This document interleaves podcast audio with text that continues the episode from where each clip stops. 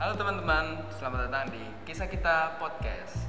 Perkenalkan, saya nama saya Jordan dan di sini saya bersama Bapak Adit. Yeay. Yeay.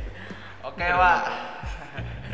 Nah, di sini saya mau nanya-nanya dikit nih, Pak, sama Ya, Bapak. boleh, boleh. Nah, Bapak tuh di sini tuh ngajar apa sih, Pak? Di- Ngajarnya eh, ada sejarah sama sosiologi. Sejarah sama sosiologi. Ya. KWN nggak KWN? Hah? KWN kan juga KWN. Dulu, Oh. sekarang udah enggak. Cuma setahun aja. Nah, Pak, pada penasa- pada penasaran nih pasti nih. Kenapa sih kok Pak Adit kenapa mau jadi guru? Sebenarnya mah nggak mau sih. Bukan nggak mau sih, nggak ada cita-cita. Jadi pas saya lulus SMA, kan saya pengen masuk eh, geografi sebenarnya, tapi bukan jadi guru gitu. Ya berhubungan dengan geografi lah, gitu kan. Terus abis itu eh, coba jalur undangan nggak masuk, terus coba jalur dulu namanya SNMPTN, jadi ujian tertulis itu Oh iya, buat PTN, masuk PTN. PTN. Nah, di situ saya milihnya eh, tadinya mau geografi kan, tapi yang paling atas itu saya milih sejarah. Oh. Dan saya baru tahu semester 2 atau semester 3 kalau di situ kuliah buat jadi guru. Oh, oh sebelum Bapak nggak tahu tuh, Pak. Itu tahu, universitas saya kira mah guru. kuliah kuliah sejarah doang gitu. Oh, oh, bisa, ternyata bisa gitu jadi ya. Karena kan saya nggak tahu maksudnya ternyata di situ namanya kan pendidikan sejarah tuh jadi guru gitu. Sebenarnya nggak jadi guru juga sih, boleh jadi yang lain. Cuma prioritasnya jadi guru gitu sih. Oh. Nggak ada cita-cita sebenarnya. Uni universitas apa? Universitas Negeri Jakarta di oh, Rawamangun oh, UNJ. Iya. UNJ. Oh, jadi Bapak keterima PTN tuh waktu itu tuh. terima Terima masuk ke sejarah. ya masuk pendidikan sejarah tahun 2011 2010 lama ya. Iya. Sudah 10 tahun berarti. ya masuknya Nah, terus kenapa dari geografi? Kenapa Bapak milih sejarah?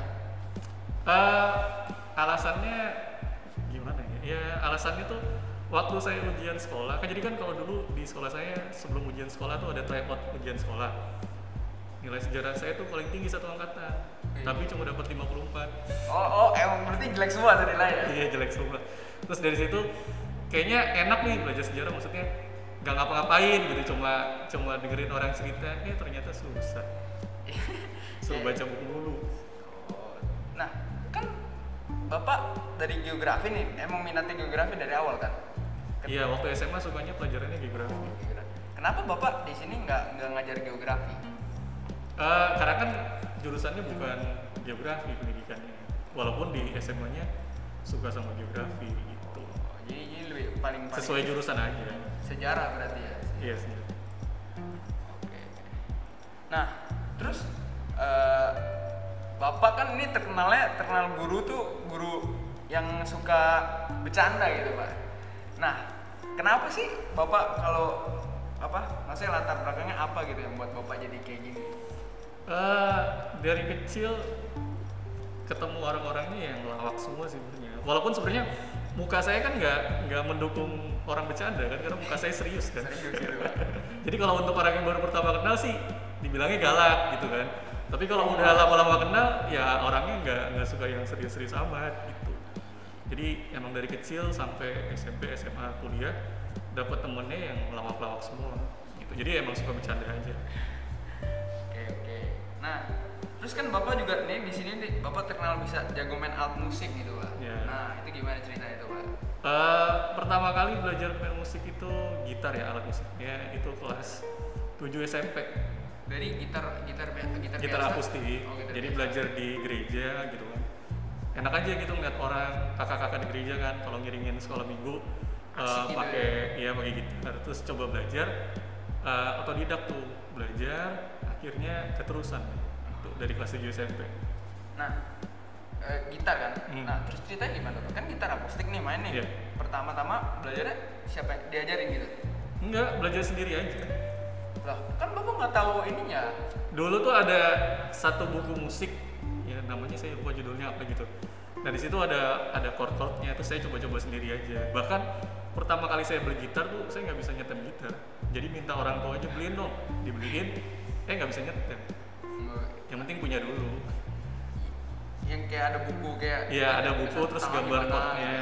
Terus ikutin dari situ. Oh gitu. Orang gereja nggak ada yang ngajarin ada cuma kan nggak nggak ada spesifik kelas khusus gitar gitu. Jadi paling kalau misalnya bingung nanya ini kuncinya ke mana? gitu lagu ini gitu. Awal-awal sih gitu. Oh, terus terus. ya dari situ SMP dari kelas 7 sampai kelas 8 kelas 7 pokoknya pertama kali eh, ngeband ya jadi SMP pertama kali ngeband kelas 7 ketemu teman-teman yang beda kelas sukanya ngeband juga jadi SMP itu dari kelas 7 sampai kelas 9 hampir tiap hari lah paling enggak seminggu tuh tiga kali Oh. pulang sekolah pasti ke studio band ngeband Nyewa-nyewa sendiri tuh. Iya nyolongnya sendiri. Jadi waktu itu emang belum pernah main gitar listrik kan. Terus Oh. pas pertama kali ke studio band megang gitar listrik kok berat gitu. Terus lama-lama tertarik wah Sakit enak juga. ya. Gitu. Terus belajarnya bela- jadi bawa belajar gitar musik tuh dari dari situ. Dari situ. Dari pas apa di studio musik itu. Iya, baru nanti ngerembet ke alat musik yang lain. Karena kan sekalian di studio ya sekalian megang-megang alat musik yang lain kan. Jadi ya lama-lama bisa sendiri. Iya. keyboard, Iya drum juga. gitu, gitu. Pokoknya awalnya dari SMP. SMP tuh tiga tahun full ngeband doang kerjaannya. Pulang sekolah. Nggak belajar, nggak belajar.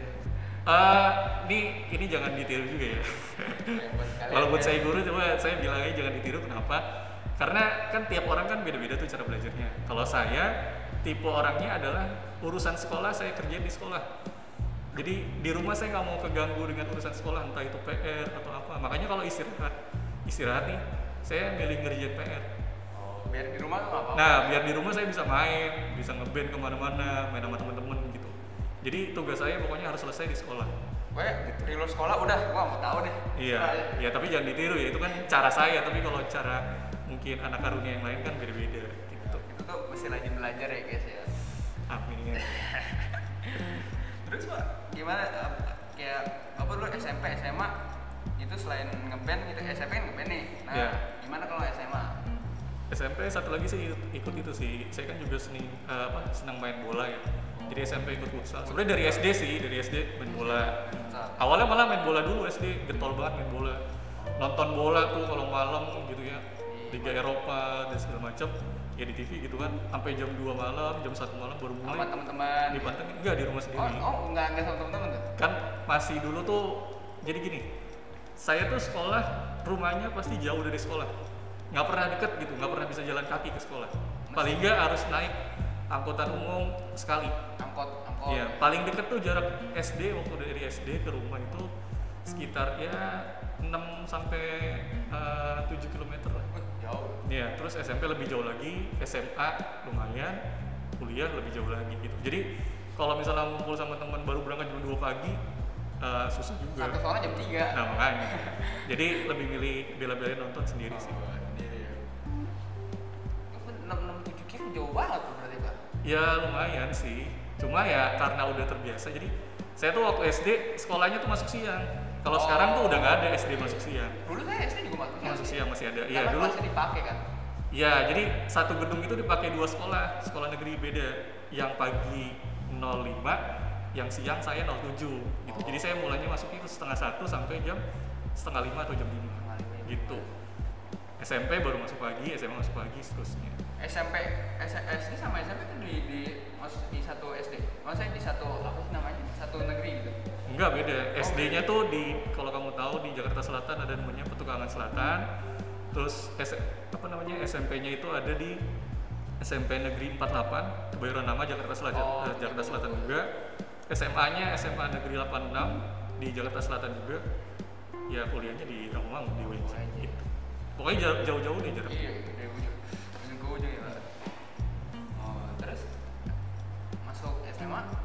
Masuk SMA, oh ya uniknya gini. Saya lulus S, gini gini. Saya lulus TK, TK ada lulusnya nggak ya? Pokoknya ya iya, bodo amat lah ya. Pokoknya lulus TK TK. ke SD sendiri yang masuk SD situ tuh saya sendiri dari TK. Jadi nggak punya teman. SD masuk SMP saya sendirian lagi. Jadi nggak punya teman. SMP masuk SMA saya sendirian lagi. Oh, oh jadi pokoknya bapak Iya. sendiri bisa nyasar sendiri. SMA ke kampus di jurusan juga sendirian doang. Walaupun di situ ada beberapa teman SMA juga cuma beda jurusan, beda fakultas. Tapi kalau yang jurusan itu saya Bapak doang. Hmm. Ya itu kalau biasa bawa masuk tuh kayak anak hilang gitu. Lu dari sekolah mana sih? Sebenarnya enggak juga sih. Eh, langsung langsung Langsung nih, saya, nih, saya, saya punya cerita, ini nggak tahu ya lucu apa enggak ya. Jadi pas SMP, itu kan pertama kali ikut eskul futsal kan. Ya. Jadi kan pulang sekolah itu sekitar jam satuan, ekskulnya jam 3 Iya, di sekolah dulu. Nah, jadi di, nungguin di sekolah kan, karena kan pulang jauh. Sambil main-main bola tuh, main-main bola. Terus habis itu kayak so-so gimana ya? Kayak so-so melatih lah. Jadi Oh. jadi kayak tendangan penalti nanti bolanya saya ngatur, ntar lo tendang, lo tendang gitu. Padahal saya baru mau ikut. Dia pada gak tahu. Padahal saya juga Mereka- baru. Mereka pernah ngikutin ya. Iya.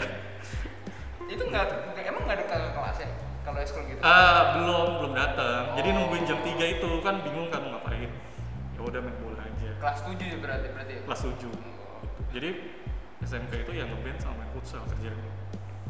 Nggak kan kalau kayak gitu kan biasa diliatin kakak kelas ada aja yang nggak seneng udah. Ah, enggak sih. Yang paling waktu itu nggak ada yang nggak suka sih. Maksudnya yang paling kalau nggak kalau baru kenal di sukanya songong faktor muka tadi kan. Tapi kalau udah kenal ya udah kalau dulu tuh namanya woles-woles aja gitu. Slow lah gitu. slow slow. Nah, terus dari masuk SMA nih pak. Ya. Masuk SMA justru di SMA saya nggak ngeband.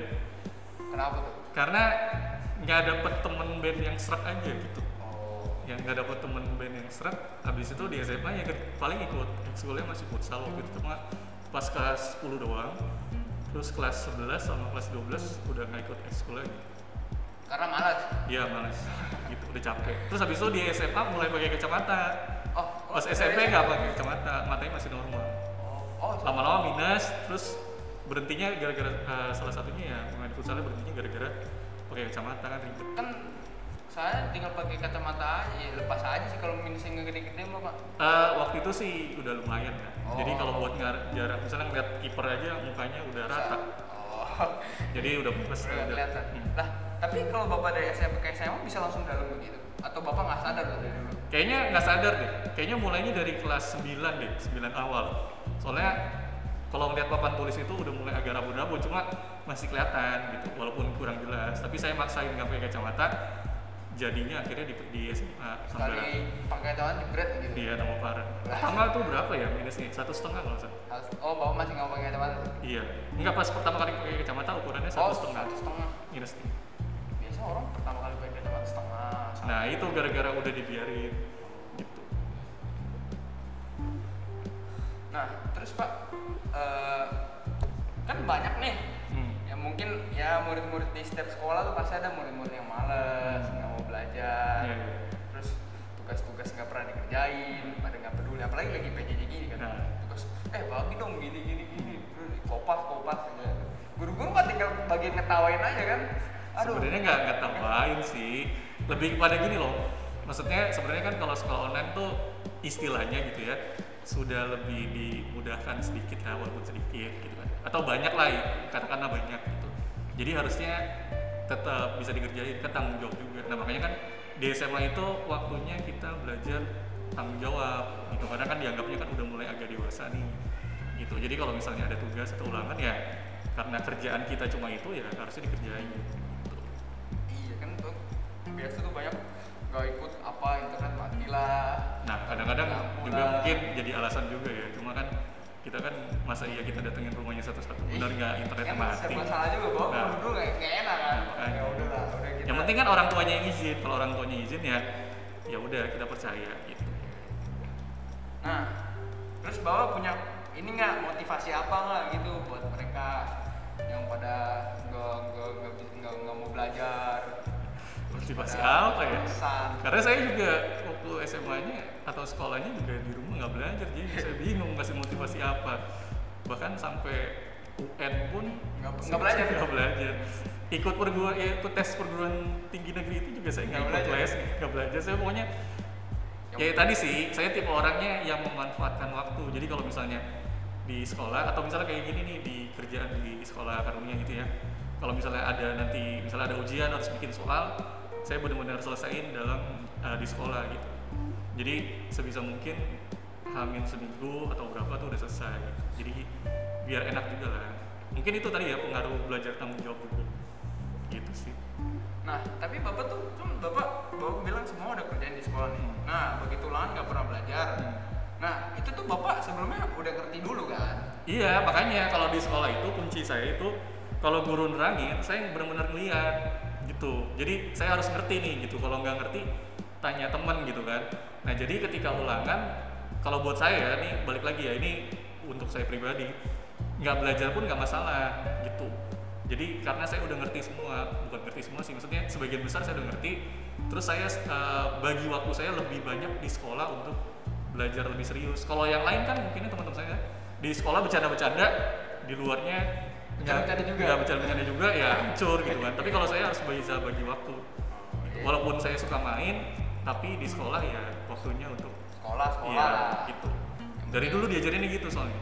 Pokoknya mungkin itu juga karena itu kali. Saya nggak pernah ditanyain sama orang tua saya nilai kamu berapa, nilai kamu berapa, nggak pernah dituntut juga. Jadi paling enggak ya kalau kalau ibaratnya kasih kasih hadiah lah dari mana gitu. pokoknya kalau di sekolah kalian harus inilah paham lah paham etis paham materinya lagi bahas apa Sebenarnya sih yang penting kalau di sekolah kalau gurunya lagi nerangin ya diperhatiin gitu. Terus jangan malu-malu untuk nanya kalau nggak ngerti gitu. jangan malah main mobile legend Siapa tuh? jangan jangan. Jangan. Wah ternyata saya, saya juga main soalnya, tapi kan nggak di sekolah. Iya, Gitu Oke sih pak, ya mungkin segitu aja ya guys episode kita podcast- kita. Mungkin kalau nextnya bapak mau sharing lagi pak, bisa pak. Ya sesuai amplopnya aja sih saya. Oh, Kalau amplopnya oke Waduh. ya saya datang lagi. waduh, waduh. Habis ini dapat kan? Oh, ya, oh, nanti kita bahas, kita bahas nanti. Oh, bahas nanti. Bahas nanti jadi. Siapa tahu masuk iklan. Ya udah pak, bapak mau main gitar kan ya abis ini nih? Eh, ya boleh dikit-dikit lah. Dikit aja jangan banyak-banyak. Buat outro kita. Terima kasih ya guys yang udah dengerin sampai habis. Sampai jumpa di next episode.